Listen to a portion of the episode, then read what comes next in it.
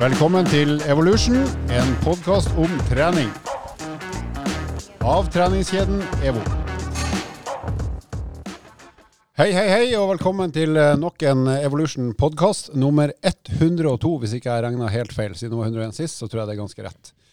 I dag har vi et spennende tema. Vi skal snakke om hvor gode crossfit-utøvere er. Men før det så må det vante panelet, som består av en rask, som er enda raskere enn siste uke, en pen, som er omtrent som pen som sist, og en stygg, som i hvert fall ikke er penere enn sist. Vi skal snakke om et dagsaktuelt tema nå, nemlig valget. Eh, og vi skal ikke røpe hva vi har stemt, hvis vi har stemt. Men eh, noen synspunkter og refleksjoner, som det heter i norskstilene. Eh, hva tenker dere om valget som eh, nettopp er avslutta? Andreas Skjetne. For, for øvrig antrukket i en ulastelig eh, Lindberg-genser i dag. Jo, takk. Men den er også litt grann for stor i forhold til hvordan overkroppen din var før. Ja, vi, eh, Det er jo ikke en veldig god start på en podkast, men eh, denne uka skal jeg i begravelse. Okay. Det er på en måte ikke poenget, men det som er poenget, er at, eh, at hun hjemme hun gleder seg til å se hvordan dressen passer, for hun tror at den kommer til å være altfor stor. Så hun gleder seg til begravelsen. Ja, og nå plutselig var mutter'n innom her og påstod at nå, nå ser du tynn ut. Og da tenkte jeg ja, det kan jo hende det er bra.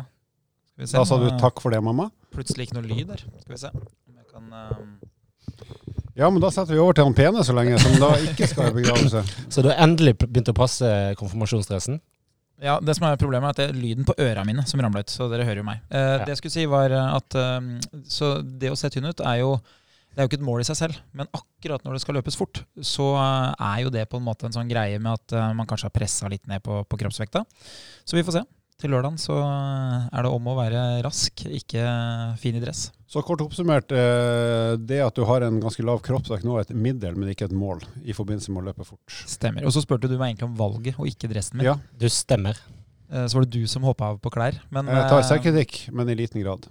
Ja. Eh, hva tenker jeg om valget? Du, Jeg har egentlig ikke sånn veldig store preferanser. Jeg stemmer, selvfølgelig. Det føler jeg jo alle bør gjøre. Jeg pleier å si at du må stemme for å få lov til å klage.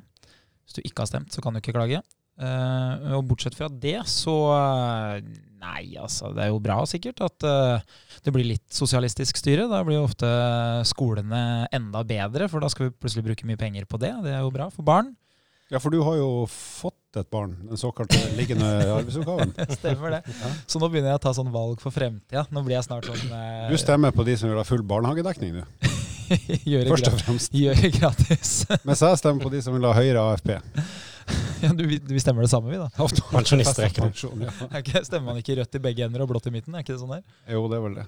Nå har aldri vært rik nok til å egentlig tenke på slikt, men Nei, det eneste jeg beit meg merke i går, som jeg syntes var morsomt, at jeg hørte den talen til Moxnes ved- for Rødt. Og eh, da snakka han ofte om milliardærene. Tenkte jeg, det er vel ikke et stort flertall? Han får det til å høres ut det var, ikke, det var ikke mange som følte seg truffet da. det. var- Det var nok ikke det. Jeg tror ikke de ser på NRK heller, for å si det sånn. Hva med deg da, Lars? Eh, Har du bitt deg merke nå i forbindelse med valget eller valgkampen eller etterspillet? Kaste stein i glasshus, og det, det er for få som stemmer.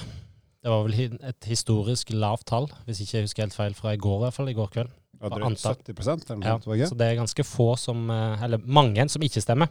Så jeg støtter Andreas i, i akkurat den med at skal du ha en ytre en mening, så må du òg avgi din borgerplikt. Det er jo bedre i Hviterussland og Russland, sånn, hvor eh, 93% stemmer på Det sittende president. Jeg vet, de er jo et forbilde. Men jeg, jeg tenker det, Og så er det de så enige der òg. Jeg tenker det er greit med et eh, skifte.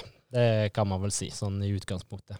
Utover det så er det ikke noe jeg må i hvert fall si at jeg ble utrolig overraska over hvor enkelt det er å forhåndsstemme, for det har jeg gjort. Det tok meg nøyaktig 93 sekunder, og det eneste jeg tenkte å ha med, var førerkort. Og en idé om hva jeg skulle stemme på. Og det hadde jeg faktisk. Så jeg tror jeg gjorde det rett. Jeg fikk iallfall godkjent og tommel opp av den som mottok. Så eh, da har vi babla litt om det, uten å være for politisk farga, men vi er iallfall samfunnsengasjert siden vi har stemt. Det er jo ikke verst eh, bare det, boys. Litt overraskende, egentlig. Ja. Eller? Jeg syns jo det er bra. Har du satt oddsen på at noen av oss ikke hadde stemt? Jeg, kan, jeg kunne ha tippa at en av oss kunne ha glemt det. Ikke for at vi hadde planlagt å glemme det, men bare at eh, det ikke skjedde. Ja. Men det har jo åpenbart skjedd. Ja, Det hører jo med at jeg skulle forhåndsstemme, og stemte da klokka halv sju i går. Ja, så du er like tidlig ute som med julegavene.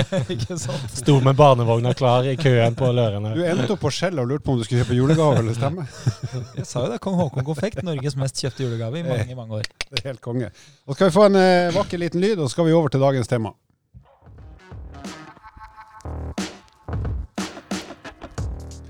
I dag skal vi snakke om eh, crossfit-utøvere på høyt nivå. Eh, rett og slett de beste i Norge, og de er så gode at de er gode også internasjonalt. Og eh, selv om Lars eh, tidvis har trent crossfit og har en ganske god innsikt i det, så er det folk som kan enda mer om det enn han. Og selv om jeg har et uh, sertifiseringskurs fra 19 pil og bue, så kan ikke jeg så mye heller lenger. Så vi har fått med oss en uh, ung mann som heter Magnus Haugan, og han eh, har master i idrettsfysiologi fra idrettshøyskolen. Det betyr rett og slett at han kan utrolig mye om menneskekroppen og hvordan den fungerer i bevegelse, både med høy og lav intensitet. Eh, han er foreleser for Akademiet for personlig trening, og han er glad i å trene sjøl, spesielt crossfit. Han ser sterk ut, eh, og du er vel ganske sterk òg, Magnus Hauge? Sånn helt OK. Ja. Eh, når han sier helt OK, så er han i hvert fall vesentlig sterkere enn oss andre her. Eh, du er også coach og testansvarlig på CrossFit Oslo. Og så skal ryktene ha det til at du er veldig glad i å spise ute. Og da tenker jeg at det ikke er ute i naturen, men kanskje på restaurant. Stemmer det? Eh, det må jo være Lars som sikkert har dratt i gang den inne på huset her. Men eh, det blir jo noen turer ut og spise etter vi har spilt litt uh, fotballtennis, da. Så, men han er ikke helt uskyldig, han på høyreflanken her heller. Han blir med? Ja, ja han blir med. Der er jeg god på å planlegge og stille opp, faktisk. Hva, hva er det det går i av matretter? Uh, nei, vi er ganske enkle. Vi kjører en eh, burger og fries. Og så har faktisk Lars litt mer variasjon, da. At han kjører, kjører litt pizza av og til. Og så er det fries før burger? Nei, gjerne fries og så burger, og så er det fries igjen. Eh, som regel. Det minner litt om har, Vi har sånn guttas julebord, og der har vi følgende meny. Det er forrett ribbe, hovedrett ribbe og dessert ribbe. år etter år Hotell Bristol.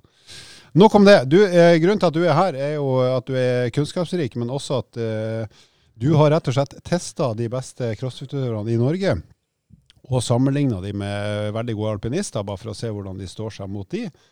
Eh, så vi har egentlig tenkt å finne ut litt av, for å fortelle lytterne, hvor gode er crossfit-utøvere i ulike ting som de fleste av oss har prøvd av og til, eller kanskje til og med veldig interessert i. Forskjellen på de og oss er at de prøver jo å bli gode i absolutt alt, bortsett fra kanskje fotball og curling. Uh, mens vi andre kanskje finner én eller to ting som vi prøver å bli litt bedre i, så er vi egentlig ganske fornøyd med det. Så vi har egentlig tenkt å vise litt mangfoldet i den kapasiteten til de her uh, utøverne. Men kan du først si litt mer om hvem ble testa, og hvordan gjorde dere det sånn i grove trekk? Uh, ja. Um, og da starter jo egentlig litt sånn generelt med bakgrunn for, uh, for prosjektet. Um, og det starta med at uh, for min del så går jeg oppe på CrossFit Oslo der uh, ganske ofte, og ganske mye, um, og ser på en måte hvor godt fysisk trent de beste utøverne er, fordi at på CrossFit Oslo så er noen av verdens beste utøvere. og man ser at de er ja, de, de er sterke, de springer fort, de ror fort, men vi har ikke noe eksakt tall på det. Og hvis vi da på en måte gikk litt tilbake inn i litteraturen for å finne ut uh, ja, hvordan de ligger an, så var det egentlig ingenting som uh, indikerte at ok, det her er f.eks. kondisjonstallet, det her er 1 RM i knebøy. Um, så det gjorde jo da at de ønska å prøve å finne ut av det, da. Og så det var egentlig hele, hele bakgrunnen. Så da starta jeg egentlig med ganske strenge inklusjonskrav for å da klare å få med de beste. Eh, og det var da f.eks. at de måtte ha deltatt i CrossFit Games, da, som på en måte er det verdensmesterskapet i, i crossfit. Eh, de måtte ha topp 15 plasseringer i NM, i, eh, altså functional fitness, eller organisert crossfit. Der røyk jeg ut. Der røyk du ut. Um, så, så, det gjorde jo, med tanke på de strenge inklusjonskravene, at vi fikk ganske gode utøvere. Um, og det gjør at dem som ble testa, kan representere det øverste nivået. Uh, og det var både menn og kvinner? Ja. Så vi endte vel opp med totalt eh, åtte menn og elleve kvinner. Mm. Ja. Og vi kan vel si det at eh, noen av de her har gjort det veldig bra i The Games nylig? Ja, absolutt. Um, hvor, ble, hvor, bra ble det til slutt? Det ble veldig bra. Det ble jo en pallplass på, på laget fra CrossFit Oslo. Og så Kristin også holdt det, gjorde det jo veldig bra. Og det har jo gjort siden 2014. Mm. Laget er da to menn og to damer som konkurrerer sammen. Så det her er rett og slett eh, eliten av de beste i verden som holder på med veldig mye slitsomt veldig ofte. Ja, det er hver dag. Ikke sant? Og det vi har, vi har samla opp da resultatene i snitt, da, for vi har jo ikke lov å si at hun eller han hadde så og så bra resultat, men vi har rett og slett tatt gjennomsnittet for både gutter og jenter, bare så dere skal få en idé om hva det var. Hvis vi begynner med det som man kanskje tenker minst på når man snakker om crossfit, nemlig kondisjon og rett og slett løping, da så øh, viser det seg at de gutta de hadde i snitt et oksygenopptak øh, på 62,7. Altså oksygenopptak, da måler vi rett og slett hvor mye oksygen kroppen din klarer å, eller må bruke når du løper omtrent så fort som du kan over noen minutter. Uh, og da ser vi at gutta de har 62,7, og hva skal vi si til det? er altså en på nivå med en meget veltrent håndballspiller, f.eks. Eller en ganske veltrent fotballspiller. Ja. Gjennomsnittet til fotball og håndball ligger nok rundt der. Ja. Og så ser vi at jentene har 55,7 milliliter, som også er veldig mye høyere enn normalen. Så det er vel omtrent samme der, sånn håndball-fotballnivå på høyt nivå. Ja. Og hvis vi skal forklare, hvor fort springer du hvis du har et oksygentap på 62,7 eller rundt 63? Så prøvde jeg å regne på det, og da tror jeg du i hvert fall ikke har noe problem med å ligge både 15 og 16 km i timen veldig lenge, og kanskje til og med 17 nå, før du begynner å slite litt. Jeg, jeg hadde 62,3 første gang jeg målte på idrettshøyskolen for eh, ja, nå begynner det vel å bli 12-13 år siden. Uh, og den gangen så løper jeg da akkurat under 40 på mila, så det stemmer ja. ganske bra. Det som er liksom vanskelig, er jo at uh, det handler jo veldig om, om lengde. Hvor lenge skal du løpe? Så du vil jo være i stand til å løpe uh, kanskje på 17 km i timen på en 3000 meter, mens uh, idet du på en måte bryter Eh, den lengden som gjør at du ikke har mer karbohydrat tilgjengelig, gjerne rundt 40-45 eh, minutter, da begynner det jo å dabbe av for de fleste. Så da er det lurt å springe fortere, da? Så det tar så ikke ja, ja, lagrene går tom? Ikke sant, Det er jo en god løsning, bortsett fra at eh, da er det litt manko på oksygen som gjør at det blir oh, ja, okay, så det går ikke det. raskt slutt. Du kriter litt mye. Men sånn, for å forstå hva man refererer til da, når man sier type sånn 62 i O2 f.eks., så det man eh, enkelt fortalt gjør, er at man eh, løper på en eh, tredemølle, og så er det en maskin som har et type sånt rør som du puster i, altså en maske da, som du puster lufta ut i det røret. Og det maskinen gjør, er rett og slett å bare finne ut hvor mye oksygen er det som blir borte av den lufta som du har pusta inn. Så da ser man på differansen mellom luft inn og luft ut. Og det oksygenet som blir borte, det er jo da på en måte den prestasjonen som du leverer. da. Og det er jo det vi måler. Og, og da er det sånn at Jo fortere du løper, jo mer oksygen vil da kroppen trenge for å løpe fortere og fortere. Ja, så jo tøffere jobb, jo mer oksygen. Men så vil det jo være sånn at jo større du er, jo mer bruker du på samme hastighet. Så om vi fire hadde stelt oss på båndet og begynt på samme hastighet, så kunne jeg sagt på forhånd hvem som kommer til å bruke mest oksygen. På samme fart. Ja, på samme fart, ikke sant. Men så vil det jo være sånn at det er jo ikke gitt at vi skal løpe på samme fart. Det kan jo hende vi skal løpe på samme intensitet. At vi sier at uh, vi skal alle løpe til det ikke går mer, f.eks. Da er det jo kanskje noen helt andre resultater man har til slutt. Så derfor, for å kunne sitte igjen med noen fornuftige tall som gjør at man kan da vurdere det opp mot andre utøvere eller andre idretter, så deler man det på kroppsvekt. Fordi kroppsvekt er veldig sånn relevant i forhold til det du gjør. Mm. Du flytter jo på egen kroppsvekt i hvert eneste løpesteg. Ja, Så da tar man rett og slett hvor mye oksygen som du uh, klarte å bruke, deler på kroppsvekta, og da sitter du igjen med tall som da refererer til antall milliliter oksygen per kilo kroppsvekt. Mm. Og Det er på en måte det tallet man bruker. og Da ser man hos de aller aller beste syklistene, skiløperne, løperne, kanskje 95, som er helt hinsides. Men så ser man jo at i andre idretter, f.eks. hvis du har testa curlingutøvere, så kunne de hatt 40 eh, uten problem. Sannsynligvis lavere. I hvert fall i gamle dager. ja, de kunne hatt lavere. Eh, grunnen til at de trolig har 40, er bare fordi 40 er gjennomsnittet for eh, aldersgruppa som deltar i OL i curling. Det, det, er en viktig faktor her, og det er å ta vekk eh, faktoren rundt teknikk. For her løpes du i motbakke. Eh, for å sette i perspektiv så blir man ikke så avslørt i forhold til hvor løpsteknisk sterk man kan være, og hvor god løpseffektiv teknikken din er. Eh, så her er det, hvis ikke det er helt feil, så er det rundt eh, ti grader, hvis jeg ikke husker feil i forhold til hvor nå vi testa. Jeg var òg en forsøksperson for Magnus her, før han begynte eh, oppgaven sin og kom vel inn på rett i underkant av 62, hvis jeg ikke husker helt feil, sånn ish, på rundt 90 kilo kroppsvekt. Og det som kan for mange være akilleshælen, er jo det løpstekniske, med tanke på at man løper i motbakke, og da man stivner før man da når sitt maksimale oksygenopptak. Ja, og det, det, du egentlig nevner der, er jo hele grunnen til at man ikke deler ut medaljene på bakgrunn av test på forhånd. Så man kan liksom ikke teste seg fram til hvem som skal bli olympisk mester på en maraton, fordi det er mulig å bruke lite oksygen ved å gjøre seg god til den teknikken man skal utøve. Og det vil jo være veldig gjeldende jo mer avansert idretten er. Så én ting er jo på en måte å finne ut av det i løping, eh, skigåing, sykling. Men en annen ting er jo å finne ut av det når du begynner å gjøre veldig sammensatte idretter som krever mange forskjellige bevegelsesoppgaver. Altså det vi kan konkludere er at de her er jo rett og slett de er i veldig god kondisjonsform, på tross av at de ikke driver med løp og gjør veldig mye annet enn kondisjon. Og eh, jeg må bare spørre deg, Andreas, har du en røff idé om hva du har i oksygenopptak per akkurat nå? For nå er jo du i en farlig god løpeform. Har du noe, hvis du skal tippe? Ja, 70 ja, jeg vil nok bikke 70, og så vil det være avgjørende om jeg da er 82 eller 77 kilo. Fordi den vektforskjellen vil jo på en måte gjøre at jeg får et uh, hyggeligere tall. da. Mm. Så jeg vil jo tippe, basert på den hastigheten jeg kan løpe, at uh, jeg må være et sted over 70.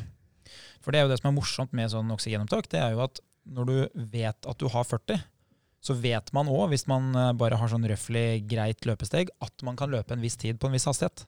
Så en veldig sånn morsom greie, at man egentlig kan løpe først, og så kan man anslå oksygenopptaket til noen etterpå. Mm. Fordi du må ha det oksygenopptaket for å kunne gjennomføre den jobben, egentlig. Jeg syns jo det er litt gøy å på en måte poengtere det når Lars kom inn med vekta si her. At eh, de utøverne her er jo opp mot 90 kilo. Mm. De er ikke som fotballspillere som er 75 kilo. Og det tatt i betraktning gjør det egentlig bare enda mer imponerende at de ligger så høyt Mm. som, som de gjør. Ja, og et, et, et tall til. Eh, Rosenborg snitta vel på i storhetstida si under Nils Arne Eggen, så hadde vel de et snitt på 66, tror jeg, sånn cirka. Og snittvekta på de fotballspillerne var sikkert et sted mellom 75 og 80, kanskje. Og kanskje lavere enn det òg. Ja, for, for det som er Poenget er at uh, det vil være et handikap å ha høy kroppsvekt. Så, så hvis målet for de utøverne her hadde vært å, å ha best mulig kondisjonstall, så burde jo alle bare ha gått ned litt i vekt. Så det, det er jo egentlig en kjempeprestasjon å ha et så høyt tall når egentlig kroppsvekta er høy, fordi de driver med en idrett som Jeg må, jeg må innrømme at jeg ble rett og slett overraska. Jeg hadde tippa at det lå på 55 for gutter og rundt 50 for damer, så jeg ble eh, positivt overraska. Ja, 55 var det tallet som vi faktisk så på det vi kan kalle for sånn recreational athlete. Så dem som kanskje ikke er helt om mot toppen, kanskje litt sånn kvartfinale, semifinale um, utøvere. Um, og det var også noe av det vi tenkte at ok, skal du konkurrere på toppen i games, så, så må du nok eh, over 60 for gutta og 55 for jenta. Og litt av fordelen med det, da, selv om de ikke driver med veldig mye ren kondisidrett, er jo at de har en enorm kapasitet til å ha korte pauser, som du er. Det er jo veldig få pauser og korte pauser, så de får jo en kapasitet til å gjøre mye jobb over både kort og lang tid likevel, selv om de ikke bruker de rene kondisjonsidretter uh, hele tida. Men vi må litt videre nå, for nå skal vi snakke om eh, hvordan de løper i motbakke, og når de tester det, det vi kaller anarob terskel, eller laktatprofil. Og det er rett og slett sånn at Da setter du utøverne på ei tredemølle med den bratte stigninga på rundt 10% og så skal du løpe i fire minutter, er det? Og så tester du eh, fem minutter, ja, fem minutter, og så tar du en liten blodprøve for å sjekke hvor mye melkesyre som er i blodet. og så øker du farta litt, og så løper du nye fem minutter, og så tester du igjen. Har det kommet mer melkesyre i blodet når du løper litt fortere enn i stad? Så gjør man en sånn trinnvis økning av fart, helt til du finner ut at nå er det såpass mye melkesyre i blodet at nå har det gått over det vi kaller anarob terskel. Vil si at herifra ut så, så kan det bli slitsomt. Det er det de fleste vil oppleve, at nå det, hva skal vi si, Anarob terskel er et nivå der du egentlig kan holde på ganske lenge, men hvis du bare tar i litt mer, så får du ganske fort ganske stor trøbbel. Så det de fikk til på den testen her i snitt, det var altså, da begynte gutta med fart på 8 km i timen, og jenta begynte med fart på 7 km i timen, og mølla er da bratt 10, 10 stigning, som er eh, 10 grader stigning, mener jeg, 5,3% som er ganske bratt. Og så øker de da farta, og sånn at gutta hadde da de dårligste gutta, som egentlig er ganske gode, de stoppa på 12 km i timen og 5,3% stigning. Og de beste gutta sprang hele 15 km i timen på 5,3 stigning før de nådde anarob terskel. Og da vet vi at de kunne løpt fortere enn det, men da har de på en måte funnet et nivå der, der melkesyreproduksjonen begynner å bli større enn det du klarer å ta bort underveis. Sånn at det er sånn typisk knekkpunkt for å forstå litt av fysisk kapasitet. Mens jentene de starta på 7 km i timen, og de dårligste som er gode, de stoppa på 11 km i timen når de kom til anarob terskel, og de beste jentene stoppa på 14 km i timen. Så det her er jo også ganske imponerende tall. Hvis dere prøver sjøl, dere som hører på, å stille mølla på 5,3% og så starte på 7 eller 8 km i timen og dra dere opp hvert fjerde eller femte minutt og se når er det du kjenner at du blir andpusten, når kjenner du at du begynner å stivne. Og da har du allerede passert melkesyreterskelen når du kjenner at du begynner å stivne. Det er jo eh, ekstremt gode resultater, da, fordi testen i seg selv eh, vil jo gjerne vise hva man kunne ha løpt flatt på asfalt. Så man kan bruke den hastigheten man ender opp med, som en terskelfart på ca. 40-50 minutter. Så det betyr jo at de er i stand til å løpe da eh, en 10 km godt under 40 minutter. Og det er ikke veldig mange som kommer i mål hvis du steller deg opp på sentrumsløpet eller Oslo Maraton og ser på de som løper 10 km, som er inne før 40 minutter er gått. Eh, og snittet for de, det som er bra kondisjon, er jo egentlig å klare det på en time. Mm. Altså det er ikke, du, du kommer ikke først i mål, men, men det er veldig mange som ikke klarer det. Så, så det er jo egentlig ekstremt bra eh, bruk av oksygen. Men det som er morsomt med den testen her, da, det er at den eh, avslører jo det vi snakka om i stad. Den her viser jo om du er god til å bruke oksygen eller ikke, altså om du har god teknikk. Eh, og for min egen del så er det jo her jeg scorer bedre enn på den forrige. Jeg har ikke veldig høyt oksygenopptak, men jeg har ganske god terskelfart. Eh, Og For å sette det i perspektiv, da, så tipper jeg at Jakob Ingebrigtsen har en terskelfart som ca. er opp mot 21 km i timen. Jeg tror det stemmer. Han har 21, et eller annet smått, tror jeg. Ja, og det, og det man ofte sier, ikke sant, er at hvis du er så god til å løpe, så bruker man halvmaratontida di som en type terskelfart. Og de løper jo halvmaraton på under én time, som er helt hinsides. Men i motsetning til de her, da, så veier jo han kanskje 30 kilo mindre enn en del av de utøverne her. Og han er ganske mye dårligere i pullups og, og frivending og rykk og støt og en del andre ting. Så jeg vil jo nesten anta at uh, de utøverne her hadde sett bedre ut hvis de hadde testa hans idrett, enn han hadde sett ut hvis han hadde prøvd deres idrett. Hva tenker du om resultatene her, eh, Magnus? Ble du overraska, eller var det her eh, Du har jo sett de i aksjon i årevis. Ble, var det her noe du hadde regna med, eller? Eh, skal være ærlig å si at eh, når det kom til laktatprofilen, så var det vel den testen som jeg var mest usikker på. For litt av poenget med hele prosjektet var at vi ønska å se på en del forskjellige fysiske egenskaper. Og da eh, kondisjon, som vi snakka om i stad. Eh, laktatprofil vil jeg bruke til å kartlegge utholdenheten. Eh, og så se litt på styrke, kraftutvikling og den type ting. Eh, det jeg skulle ønske jeg kunne gjort på laktatprofilen, er faktisk å valgt en annen test fordi at um, i crossfit så roer vi mer, og vi sykler mer Mm. enn at vi, vi springer. Uh, så det jeg kunne tenkt meg, er egentlig å kjøre en f.eks. en såkalt FTP-test, som egentlig bare er 20 minutter kontinuerlig på, på en sykkel eller på en romaskin, og så tatt gjennomsnitt vatta der, og sammenligna faktisk med enten roere eller syklister, for jeg tror det hadde vært mer representabelt enn Mm. å sammenligne med løpere. Da får de enda mer igjen for at de er kjempesterke, i Ja. tillegg til at de er utholdende og Ja. har brukt den teknikken mye. Og ser man på vektmessig også, så er det mer likt mellom roere og crossfit-utøvere. Du kunne ikke tatt litt staketesting òg, for crossfit er god til mye, men staking på stakemaskin, der er det mye rar teknikk, altså. Tror du skal komme opp på Trierg på en søndag på CrossFit Oslo og skulle få se litt uh, forskjellige teknikker. Jeg har, jeg har hatt uh, noen veldig interessante diskusjoner med crossfittere som er utrolig rasjonelle i alle mulige bevegelser, men ikke på stakemaskinen. Og det gir seg ikke uansett. Så selv om en tynn uh, fant som jeg pisser på det i staking, så mener de fortsatt at deres løsning er best. Ja, det er mye forskjellig på stakkemaskiner der. Men jeg er jo glad til, jeg, da, for da får jeg vinne én ting, i hvert Ja, ja. om ikke annet. Og så er jeg ganske god i leggheve, men det er kanskje ikke en crossfit-øvelse. ok, vi eh, går over til eh, De har jo også gjort form, de gjorde flere former for spensthopp, men vi skal snakke om den ene, som er det vi kan kalle knebøyhopp. Kan du forklare veldig kort, Magnus, hva er et knebøyhopp? ja, så knebøyhopp, da mm, står, eh, står utøveren, forsøkspersonen, helt, ja, helt stående i ro. Og så gir et signal. Da skal han gå ned i en knebøyposisjon, der da utøveren følte at den var mest komfortabel til å hoppe høyest i. Og så skal han holde der i rundt to-tre sekunder før han hopper. Så det er det motsatte av det vi kaller for et svikthopp, der du går rett ned og rett opp. Mm. Um, ja. Så du senker deg ned, og så etter et par sekunder får du lov å sprette rett opp igjen. Ja. Og der ser vi, eh, der ser vi at eh, gutta har et snitt på 42 cm, eh, og jentene har et snitt på 39,3. Veldig la, liten forskjell. Mm. Eh, hvis, nå skal jeg prøve på, nå skal jeg prøve å være privat og personlig. Hvis jeg skal forklare hvor god de her er i forhold til meg, da. Uh, så, Så det er minus. så er min den ene, den ene gangen jeg klarte å måle at det var luft mellom sålen og gulvet, så klarte jeg å hoppe 22,3 cm. Og da var jeg på mitt aller spenstigste i 20-årene. Du var så helt avhengig av å være i høyde når du spilte fotball. Ja, ja, ja. Jeg, ble, jeg skulle, burde jo vært midtstopper på høyden, men jeg har så ræva spenst at jeg ble venstreback. Jeg tror jo, Hvis ikke jeg husker feil, men da jeg var 15 år, så tror jeg jeg hadde 37 eller noe sånt. Og du har 22,5. altså, Husk på at jeg er plattfota. Alvor ble sittende nede i knebøyposisjon. De sa hopp, og så trodde de at jeg ikke hørte det, men jeg klarte bare ikke å hoppe. Hvor bra er det her i forhold til andre idrettsfolk eller andre? altså meg, At det er bra i forhold til meg, det gir seg jo sjøl. Og at det er bedre enn gjennomsnittet, er åpenbart. Men hvor, hvor bra er det her i forhold til andre relevante sammenligningsgrunnlag? Eh, I forhold til du, da, så er det jo veldig bra. Eh, men eh, spenst er litt, egentlig litt vanskelig å sammenligne, for Ja. det kommer jo veldig an på hvilken type du er.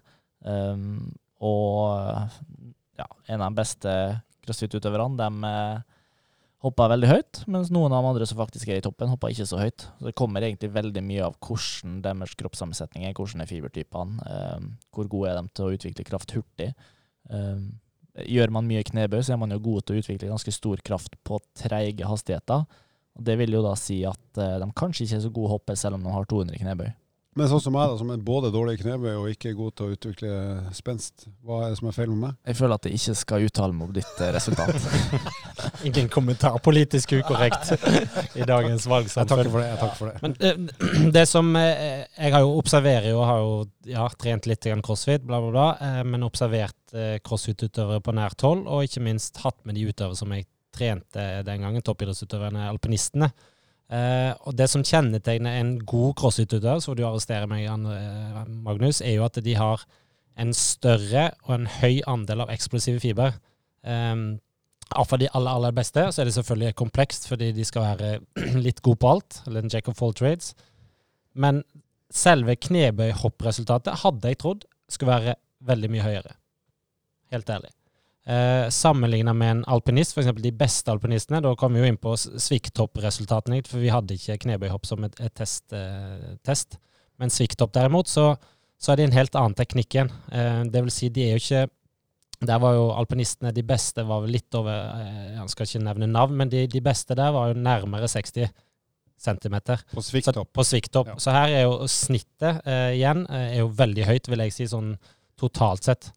Så for meg så handler det her mer om teknikk enn det om eh, selve utviklingen av kraft, for å si det sånn. da. Altså Kjapt på sviktopp, der får du råd å bare slippe den ned og sprette rett opp. Så der Ja. trenger du ikke å stoppe. Og Der hadde crossfit-gutta ca. 50 cm i snitt, og jentene hadde snaut 40 cm.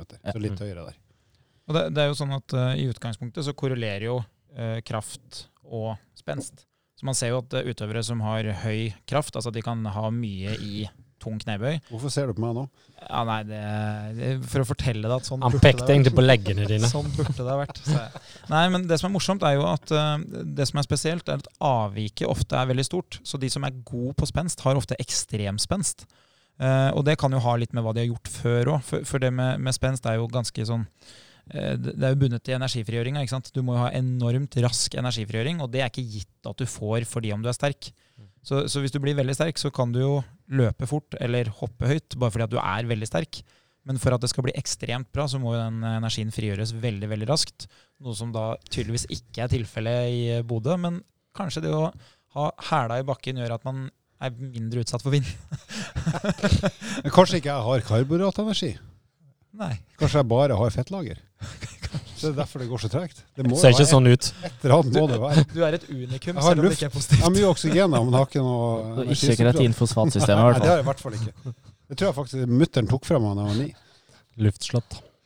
Da skal vi gå videre til en annen test som jeg skal prøve å forklare så godt jeg kan. De eh, gjorde noe som kalles en anarob kapasitetstest, også kalt Wingate. Og da sitter du og tråkker som en tulling på en sykkel i ca. 30 sekunder. Eller, og da er det rett og slett all out, altså bånn gass. Og så alle starter med spurt, og så kommer alle til å bli stokk stive etter 17, 18, 19, 20 sekunder, og så må du bare klare å gjennomføre likevel. For det går ikke an å liksom tenke at jeg skal starte kontrollert og så ta i. Du må bare all out. Så det er full peising. Og der hadde gutta i snitt 968 watt, og damene hadde 644 watt. Uh, og det også er jo størrelser som ikke gir så mye mening for de aller, aller fleste. Men hvis jeg sier at en av de beste sprinterne på landeveissykkel i verden, når de sprinter i 10-20 sekunder etter, eh, altså i hovedspurten, da, så kan de komme opp i 1600-1700-1800 watt i noen få sekunder. Og det er altså spesialsyklister. Det her er gjennomsnittet av en 30 sekunders sprint, som er lengre enn alle syklister gjør når de sprinter maks. Jeg kjenner jo at jeg skøyteløpere ganske godt. Og de har på sånne anaerobe tester, de, de driver jo mye med sykling og er åpenbart veldig sterke i, eh, i strekkapparatet. Og de, de sterkeste gutta der kan ligge på 11-1200, som er over det her, men de er også mer spesialisert. Og, eh, så sånn sett så er det igjen, syns jeg, overraskende godt. Hvis jeg skal ta meg sjøl som eksempel når jeg sitter og trør på ruller, så klarer jeg vel å dra opp en 600-700 watt på 30 sekunder. Og da er jeg helt kokt. Så det vil si at de jentene her eh, slår meg, og de er jo ikke syklister. Så igjen, eh, ikke spesielt imponerende av meg, men, eh, men jeg blir imponert. For jeg har tross alt sykla ganske mye og er ganske tung, og allikevel er jeg ikke i nærheten av det nivået her. Til folk som knapt sykler. Og dette uten sykkelsko. Med sykkelsko. Med sykkelsko. Det er med, det er med uten sykkelsko. Ja. Her òg, bare et, for å, å understreke at dette er et veldig godt resultat. Sånn totalt sett. De beste alpinistene òg, som, som for så vidt kan eh, sammenlignes med, med skøyteløperne, som er gode på Eller de, de klarer å prestere med en høy andel melkesyre i muskulaturen. Altså både fysiologisk, men òg mentalt. For det her er en forferdelig test. og den, Greit, den er tung her, der og da, men den er helt forferdelig etterpå. Du får jo den her smellen etter 10-15 minutter etter testen når eh, systemene begynner å, å ja, komme seg tilbake. Tip, tips der er søk på YouTube etter bare skriv Wingate-test, så får du mange morsomme Men snittresultatet her for menn er, er over alpint. Sånn ut ifra det jeg eh, husker sånn røftlig, men test, det beste resultatet er det nok ikke helt i nærheten av. Nei, det var signifikant forskjell når vi sammenligna anaerob kapasitet mellom crossfit og alpintgruppene. mm. Men nå, jeg har jo ikke drevet veldig mye med crossfit sjøl, men jeg har jo inngående kjennskap til hvordan crossfit utøves. Det, det her er jo helt objektive målefakta. Eh, Det som hadde vært eh, givende for å finne de beste utøverne, hadde vel vært å spurt hvordan syns du det er å teste en sånn test? Og de utøverne som sier nei, det her er det beste jeg veit, de har jo da eh, slått ut på en markør for eh, du passer for crossfit. og, det litt, og det er jo et poeng, for at crossfit får, er jo veldig mye høy intensitet, så det er veldig mye anaerob jobbing. Altså jobbing der du, hvis du hadde vært normal person, så blir du stokkstiv etter noen sekunder og bare håper at det tar slutt. Mens de her har en egenskap fysiologisk og mentalt som gjør at de tåler vel, veldig mye mer hard jobbing før de gir seg, en, eller før de må skru ned tempoet, enn det, det vi andre er i stand til. Så sånn sett så er det imponerende, men heller ikke så overraskende. Uh, imponerende og forventa, hvis det går an å si det sånn. Det er i hvert fall veldig betryggende også å se at uh, Eller det synet man har på de utøverne, at de faktisk inntreffer på de resultatene her. For de, Ja. er, jo, de er jo noe beist. Ja, hvordan, eh, Nå skal ikke du trenge å røpe dine egne resultater, det er ikke sikkert du har testet, men hvordan står du da i forhold til de her sånn på en del Eller hvilke øvelser, Magnus, ville du ha Hvis du fikk velge to øvelser, uansett i crossfit, der du skulle konkurrert mot de forsøkspersonene her, hvilke hadde du valgt der du kunne kommet best ut av det? Eller iallfall så godt som mulig. Jeg måtte ha tatt det med opp på kompis med Lars, da, spist flest burgere. Men, eh, Da kan jeg òg være med. Eh, nei, det hadde jo ikke eh, Måtte ha blitt en RM knebøy eller den ene ene beinpresstesten som vi gjorde. Ja. Kanskje også en sykkeltest. Peak power. Ja, ja. Jeg, jeg, føler jo, jeg føler meg som en kandidat jeg, til å drive med crossfit her. For i fem av åtte øvelser så hadde jeg scora skikkelig bra. Og så hadde jeg ryket rett hjem da, på beinpress, anarob kapasitet og knebøy 1 RM. Det hadde jo vært helt ja vi skal, nå, skal vi snakke om, nå skal vi snakke om knebøy, din store akilleshæl, for ikke å si uh... ja, I hvert fall i dag er det det. Det er klart. For de testa også knebøy, maksløft i knebøy, og der hadde gutta i snitt 188 kilo, og jentene hadde i snitt 131. Og jeg, jeg gidder ikke engang å si hva jeg har nå, men jeg kan si at i gamle dager så hadde jeg 150 kilo. Uh, men det er mange kilo siden, uh, og fortsatt så blir jeg knust der. Men eh, og der i forhold til deg, Andreas, så hadde, hvis det hadde vært dommere med i den testen, hvis du hadde hatt en fotballdommer på de testene der, og Andreas stilte opp der, så hadde han faktisk fått direkte rødt kort etter knebøytesten. Usportslig Og opptreden. det er ikke kødd engang. Han hadde ikke blitt båret på båre engang, han bare blitt bedt om å gå. Men jeg vil, jeg vil gjerne ha det på det rene at i mitt tidligere liv så har jeg 150 kilo i knebøy. Ja, da, ja, da er vi jo lik der. Ja, så det, et eller annet sted inni meg så finnes det jo et eller annet som tror at det er mulig. Selv om det er jo egentlig rart så- at eh, selv om jeg er 30 år eldre enn deg, så har vi ganske like personlige rekorder i ganske mange øvelser, bortsett fra benkpress der du er bedre. Men det er veldig lenge siden. Spesielt for min del. Ja, og det, det er det som er synd, at det begynner å bli en god stund siden for min del. Jeg har jo gjort det før internett, så jeg har ikke dokumentasjon. Det var jo før det kom kamera òg. Mora, mora mi tegna meg da jeg tok 150 kg i knebøy, men det gjelder ikke som bevis. Var det i den perioden hvor det var andre som pissa på urinprøven nå? sånn som Sovjet holdt på? Korrekt. Det var jo perioden med hår og bolebukse der på idrettshøyskolen. Gode dager. Men eh, hva syns dere da? 180, 188 kilo i bøy for gutta og 131 for damene. Er det bra, eller? Ja, jeg vil også bare igjen sammenligne med, med idrettsutøvere, så er det et veldig godt resultat sånn totalt sett. Eh, alpinistene, de, de, beste, er jo et godt steg over det, men snittet er høyere her enn det for en, en, et alpint lag, eller alpinlandslaget. Jeg, må jo bare si at For meg så, så, er det her kanskje faktisk det mest overraskende resultatet. At snittet ligger så høyt. Jeg, skjønner jo at de er veldig sterke, men hvis man på en måte ser for seg hvor mye arbeidstid kreves, og hvor lang prosess må til for å nå 188 kg i eh, knebøy, så det hadde vært mye lettere å løpt to-tre dager i uka for å få det oksygenopptaket, enn det er å trene to-tre dager i uka med knebøy for å oppnå det resultatet. Samtidig som de driver med en idrett som på en måte ødelegger jo for de knebøyøktene hele tida. Mm. Mens løpinga kunne du, du kunne trent hjertet ditt på en ganske grei måte selv om du drev med styrkeløft ved siden av. Men det er kjapt det der, Magnus. Trener de spesifikk knebøy i det hele tatt, eller det er det bare Ja, det er ofte de gjør det, ja, de gjør det to, cirka to ganger i uka. Hva med markløft, da? Er det en preferert øvelse, eller er det knebøy som er det viktigste? Det er litt sjeldnere. Så de gjør absolutt mer, har en høyere frekvens av, av knebøy enn markløft. Så de er kjent med øvelsene isolert sett òg. Ja. Hva syns du, da? Hvordan vurderer du resultatet i bøy? Uh, utrolig bra, og i hvert fall hvis vi ser på spredninga også, som, som, er der, så er det jo folk som er oppe i 200 kg. I tillegg, da, når vi ser på snittet um, på kondisjon. Mm. Så det, det, er imponerende. Både av gutter og jenter. Mm. Det som er viktig her òg, eh, kroppsvekt har vi ikke snakka om, men eh, snittvekta var rundt 90 kg. Ergo så løfter de jo over to ganger egen kroppsvekt for herrene. Og det igjen, i, i idrettslig øyemed på Olympiatoppen, så er det ekstremt sterkt. Jentene er nesten i nærheten av snittvekt av 72 kg, så de er jo nesten i nærheten av to ganger kroppsvekt. og det er jo, Nå har ikke jeg inngående på alle damene i forhold til alpint, men utenfor det jeg har sett, så er de over det òg. Ja, og det, det, men altså 131 kg for damer, det er jo eh, sammenligna med resten av befolkninga, det er jo nesten mer ekstremt enn 188 kg er for en mann. Mm. Det er veldig veldig få damer som egentlig er i stand til å løfte veldig mye mer enn 100 kg, med mindre du vier livet ditt til styrketrening. altså. Ja, jeg sitter bare og er stum av beundring. Ja. Gitt min egen, min egen prestasjonsevne. Men det, jeg, jeg synes det er kult, da. nå har vi jo nesten gjennom alle resultatene. Det som er ekstremt imponerende med crossfit-utøvere, er jo at eh, du skal tenke deg eh, i en, en I uke så har du hva er det, 168 timer, eh, og i en treningsuke 162? 168, ja.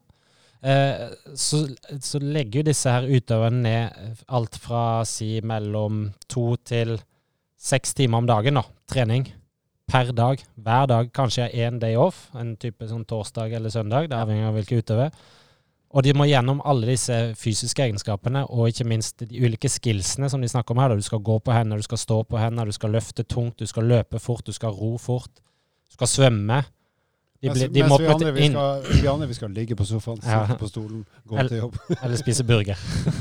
Men eh, Så det, det, er det som jeg, jeg, jeg syns er imponerende med disse, er jo igjen at de klarer å være så gode på ulike ting med å få trent så mye variert, og ikke minst hvor mye tid de bruker på de ulike egenskapene. Med din kjennskap til utøverne, er det her sånn at går det an å si at uh, for å bli en altså, ypperste klasse crossfit-utøver, kan hvem som helst bli det, eller må du ha noe slags talent eller genetisk disposisjon i utgangspunktet for å ha mulighet til å bli så god som de her? Jeg tror nok det at uh, litt genetikk spiller, spiller, absolutt en rolle i toppidretten. Uh, men vi ser jo veldig ofte at det er um, tidligere turnere kommer inn, tidligere håndballspillere kommer inn, tidligere uh, vektløftere. Og det gjør jo at andre element blir enten lettere eller vanskeligere. har du f.eks. en turner som kommer inn, så vil nok styrke ta lengre tid enn kanskje hvis du kommer inn allerede sterk nok, mm. og du må lære det eh, enkelte skills. Um, så um, Men det, det, å være bevegelig i seg sjøl, og det å ha en allsidig motorikk, altså det at du rett og slett er god til å bevege kroppen i alle mulige retninger og utslag, det vil være en kjempefordel. Så hvis du ikke kan det, så er det lurt å øve på det uansett. Ja.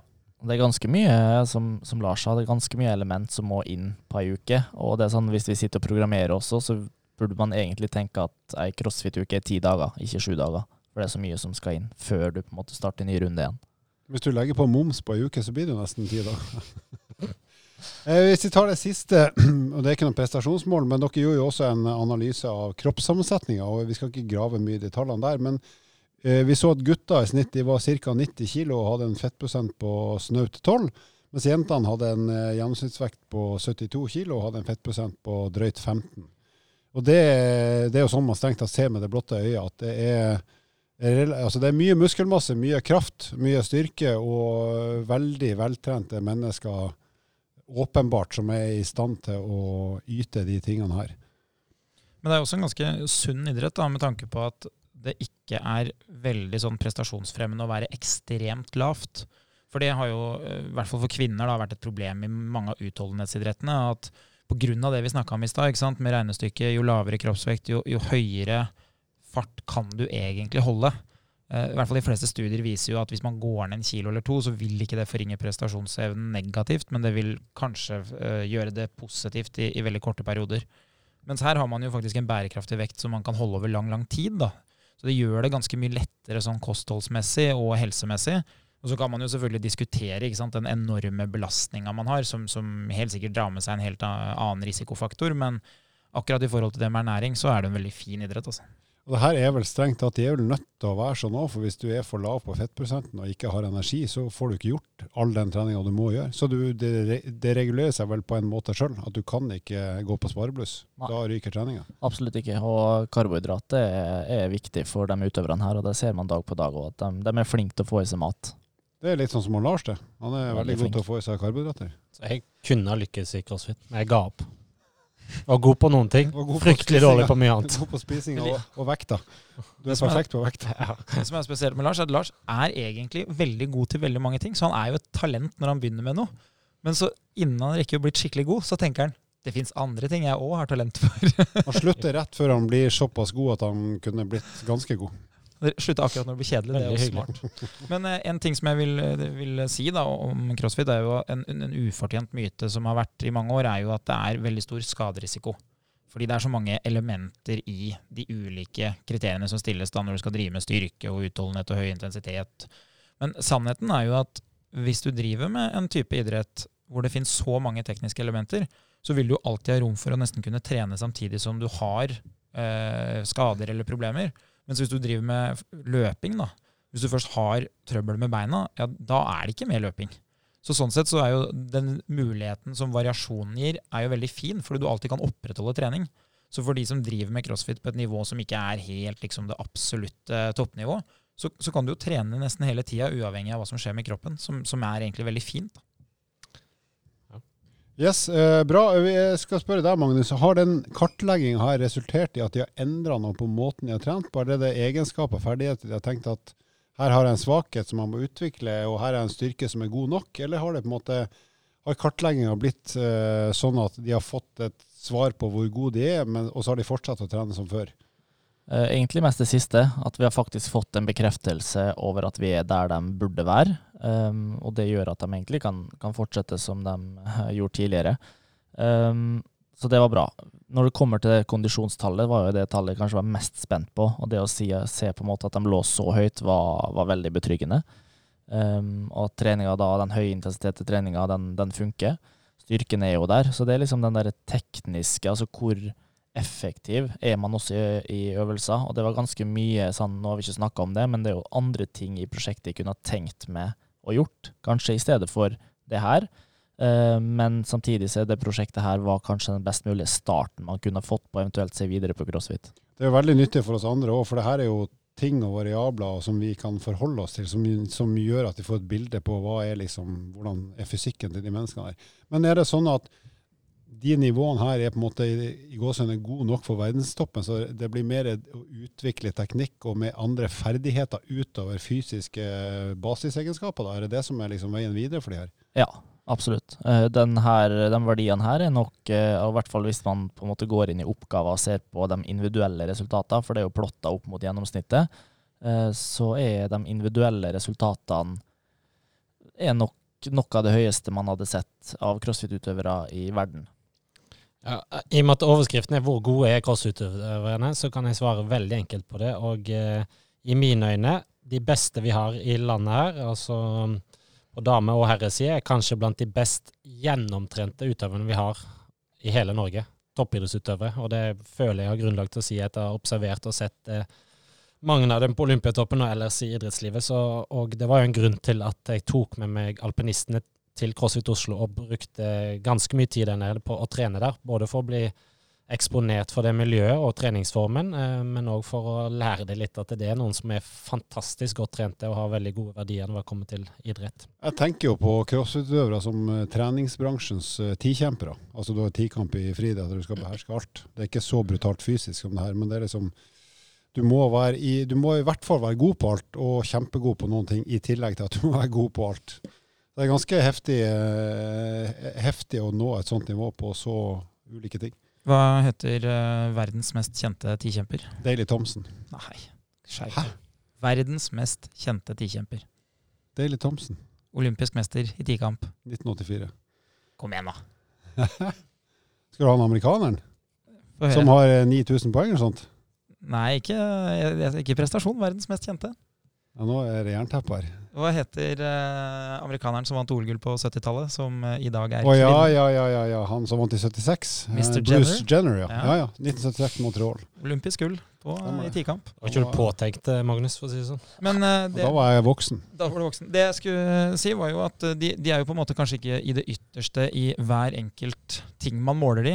Eh, Men en ting som er helt sikkert her, er at hvis du hadde tatt den utøveren her og testa de i noen andre spesifikke idretter, så ville du gjort det ganske bra. Hvis du hadde tatt de bedt de løpe maraton i morgen, så hadde de prestert mye bedre på et maraton enn en maratonløper da, som vi sa i stad. Jakob Ingebrigtsen har testa i styrke. Men det samme gjelder jo eh, i, eh, sånn som bare for eh, en del år siden, når vi vi snakka med Kristin Holte her for, for et halvår siden, og hun sa jo at den ene konkurransen var å ro maraton. Altså Du har null forberedelsestid. Du har trent roing, men du har ikke trent tre og en halv time på romaskina. Og så er du i stand til å gjennomføre det, men fortsette konkurransen da dagen etter. Og da ha flere konkurranser på rad. Så det viser jo bare at det fins en sånn eh, enorm tilpasningsevne til veldig mange forskjellige aktiviteter, hvor de egentlig gjør det veldig, veldig bra. Mens de vil jo aldri eh, ha det grunnlaget for at de kan hoppe inn i en eller annen verdensidrett, men det skulle jo bare mangle òg, fordi de lever jo bare av akkurat det. Det er jo litt eh, gøy det du egentlig sier der, fordi da er vi jo Altså, det prosjektet her er jo fysiologisk testing av individuelle og altså enkelte egenskaper. Men så går vi over på den praktiske biten. Um, OK, hva hadde skjedd om vi testa crossfit-utøverne på 2000 meter roing, som er rodistansen, altså offisiell distanse for roere? Hva hadde skjedd hvis vi testa x antall meter handstand walk, altså gå på hendene, mot turnere? Ehm, det var jo noe vi planla, men, og turnlandslaget var egentlig positiv, men det hadde blitt for mye å gjøre. Det som er gøy nå, det er at i helga, førstkommende lørdag, så er det jo NM i Sandnes, og da skal de etter å ha løpt one mile, altså a mile, 1600 meter, så skal de etter to minutter, tre minutter pause ro 2000 meter.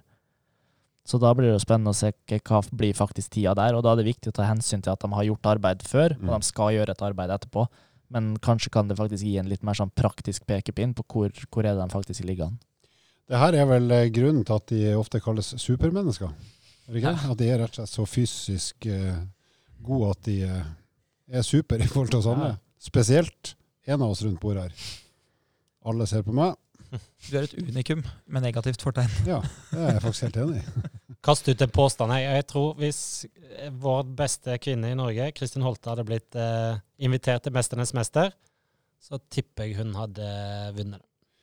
Bra, da eh, har vi snakka om eh, supermenneskene. Nå skal vi avslutte med den nye spalten 'Hvem har imponert oss mest'?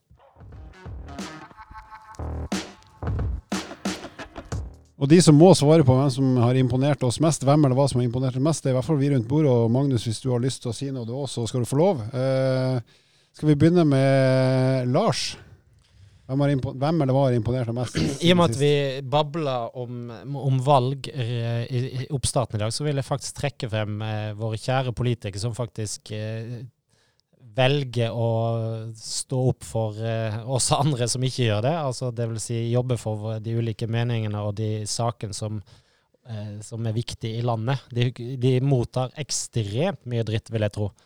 Både Det er vel- det er vel i, i, og uten Ja, mange for noen av det. Men i og, eh, både foran og bak kamera, for å si det sånn. Så jeg tar av meg hatten for eh, landets politikere, minus noen få.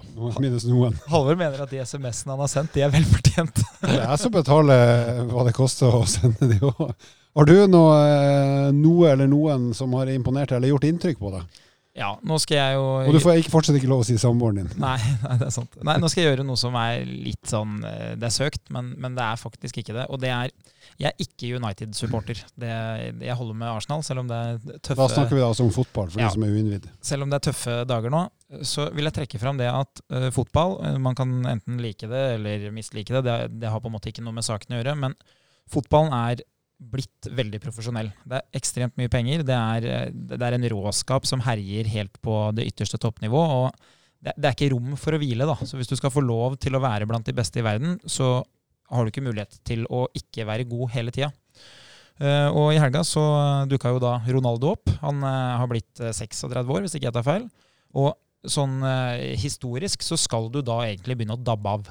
Det, det har liksom da alle de før deg bevist gjennom at de har dabba av, som gjør at uh, det er det man tror. Nå ser du på meg igjen, jeg skjønner ikke det. Ja, det begynner å bli en stund siden Har du noen gang vært Passert på? til 56.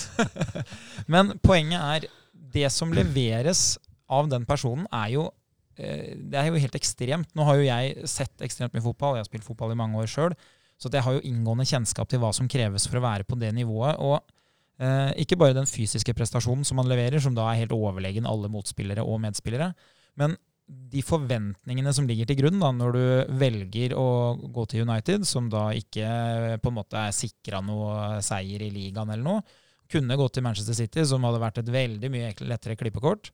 Så, så du har liksom valgt at jeg ønsker utfordringa, og så klinker du til med to skåringer. Eh, folk står på tribunen, både bortesupportere og hjemmesupportere. Og så ser du helt uanfekta ut.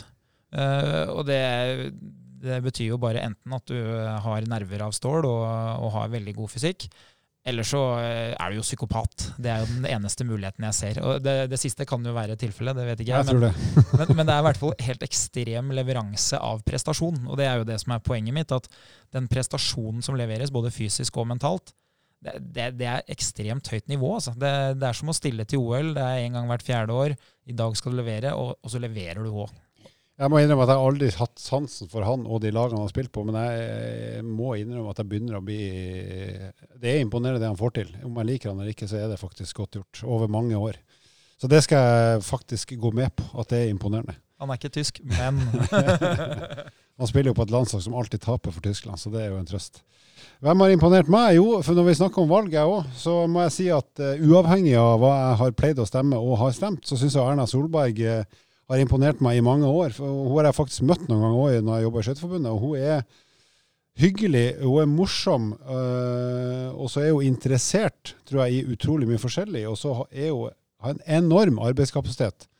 Uh, og Det er ikke noe jeg vet, men det er alle som er rundt og sier det. Hun er oppe sent og tidlig og har gjort det i åtte år og sikkert lenge for det òg. Og har nok, uavhengig av hva man syns om politikken, eh, stått på for Norges uh, ve og vel i samfunnet åtte år. Så det syns jeg hun skal ha kred for, uansett hva man syns om hva hun står for politisk. Så hun har faktisk imponert meg egentlig i åtte år, da, men siden det er valg nå, så får jeg si det nå. Jerna. Gjerne. Jern-Erna. Ja, Skal hjem og ta over Brann, hun nå. jeg syns hun er kul, jeg. Rett og Ja, ja. Rett og slett er kul dame. Da er vi eh, ved veis ende, som de sier i eh, Radio 8000 Bodø, og det sier vi også i dag i podkasten Evolution. Hva er det vi egentlig skal si? Det er Sayonara. Vil du vite mer om trening? Abonner på podkasten, og sjekk ut vårt treningsmagasin på evo.no.